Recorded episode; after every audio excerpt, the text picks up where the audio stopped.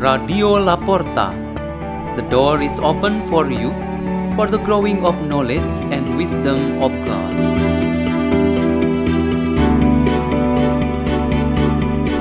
Delivered by Father Peter Tukan, SDB, from San Isidro Bosco Gerak, Labuan Bajo Diocese of Ruteng, Indonesia.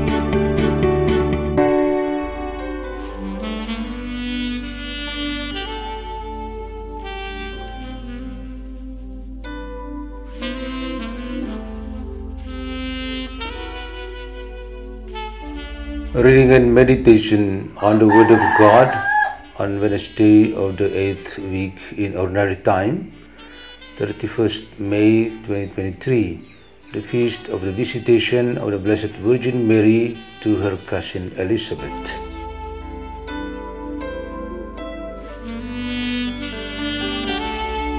Reading is taken from the Holy Gospel according to Luke chapter 1 verses 39 to 56.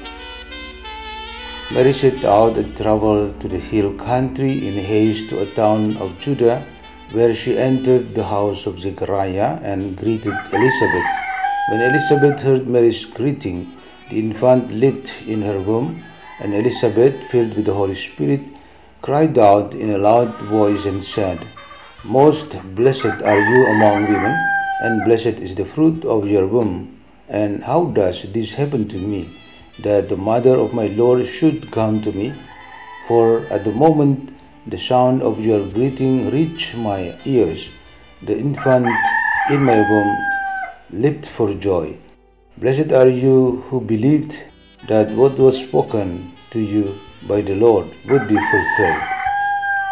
And Mary said, My soul proclaims the greatness of the Lord, my spirit rejoices in God, my Savior for he has looked with favor on his lowly servant. From this day all generations will call me blessed. The Almighty has done great things for me, and holy is his name. He has mercy on those who fear him in every generation. He has shown the strength of his arm. He has scattered the proud in their conceit. He has cast down the mighty from their thrones, and has lifted up the lowly. He has filled the hungry with good things, and the rich he has sent away empty. He has come to the help of his servant Israel, for he has remembered his promise of mercy. The promise he made to our fathers, to Abraham and his children forever. Mary remained with her about three months and then returned to her home. The Gospel of the Lord.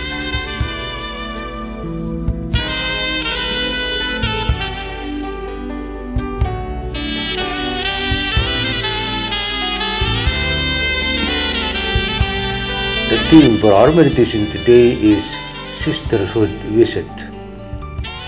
Whatever type or form of a brotherly or sisterly visit can we say that the parties who meet are so filled with positive atmosphere and energy. People who meet just to find out faults in others, create conflict, or even escalate violence towards others it is not a brotherhood or sisterhood meeting. We always believe that a sisterhood or brotherhood visit will benefit the meeting itself and unity of sisters or brothers. The meeting of siblings really result in strengthening their bonding and mutual love. There is no way to replace one's own sister or brother. Those who are not siblings, the meeting and values of sisterhood or brotherhood visit also show how one party needs the other. The Holy Scriptures have a lot of events on the meeting of persons. One of those meetings is what we celebrate today as a feast, the visit of the Virgin Mary to her sister Elizabeth. We know that every visit of a sister or brother has good and noble purposes. In that encounter, the spirit of sisterhood or brotherhood binds them strongly. Blood relationship and solidarity or love between them become spiritual wealth that sustain their unity. Today, the visit of the Virgin Mary to her sister Elizabeth presents us a higher meaning of meeting than simply an encounter between sisters. If a meeting of sisters or brothers can produce goodness and mutuality between them, In the meeting of Virgin Mary and Elizabeth, its significance rises to the fullness of grace in which the power of the Almighty God intervened extraordinarily. This is the level of holiness. At this level, the Holy Spirit works and moves all human activities. Elizabeth, who first obtained the result of the work of the Holy Spirit, rejoiced to welcome her sister Mary, who was filled with the Holy Spirit to become the Mother of God, whose motherly womb conceived the Son of God. This sisterhood of Mary and Elizabeth gives us inspiration that our sisterly or brotherly relationships need to be empowered by the Holy Spirit.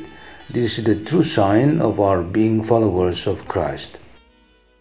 The Holy Spirit animates our visit or encounter when we involve in the sacred activities such as personal renewal, repentance, works of mercy, forgiveness, consolation for the sufferings, assistance for the needy, cooperation of parties to face together calamities, and unity of faith to glorify and praise the Lord. We need to always invoke the Holy Spirit to take part in every visit of ours as brothers and sisters. Let us pray. In the name of the Father, and of the Son, and of the Holy Spirit. Amen. O Lord Jesus Christ, bless us to always obey the guidance of your Holy Spirit. Glory to the Father, and to the Son, and to the Holy Spirit, as it was in the beginning, is now, and ever shall be, world without end. Amen. In the name of the Father, and of the Son, and of the Holy Spirit. Amen. Radio La Porta. The door is open for you.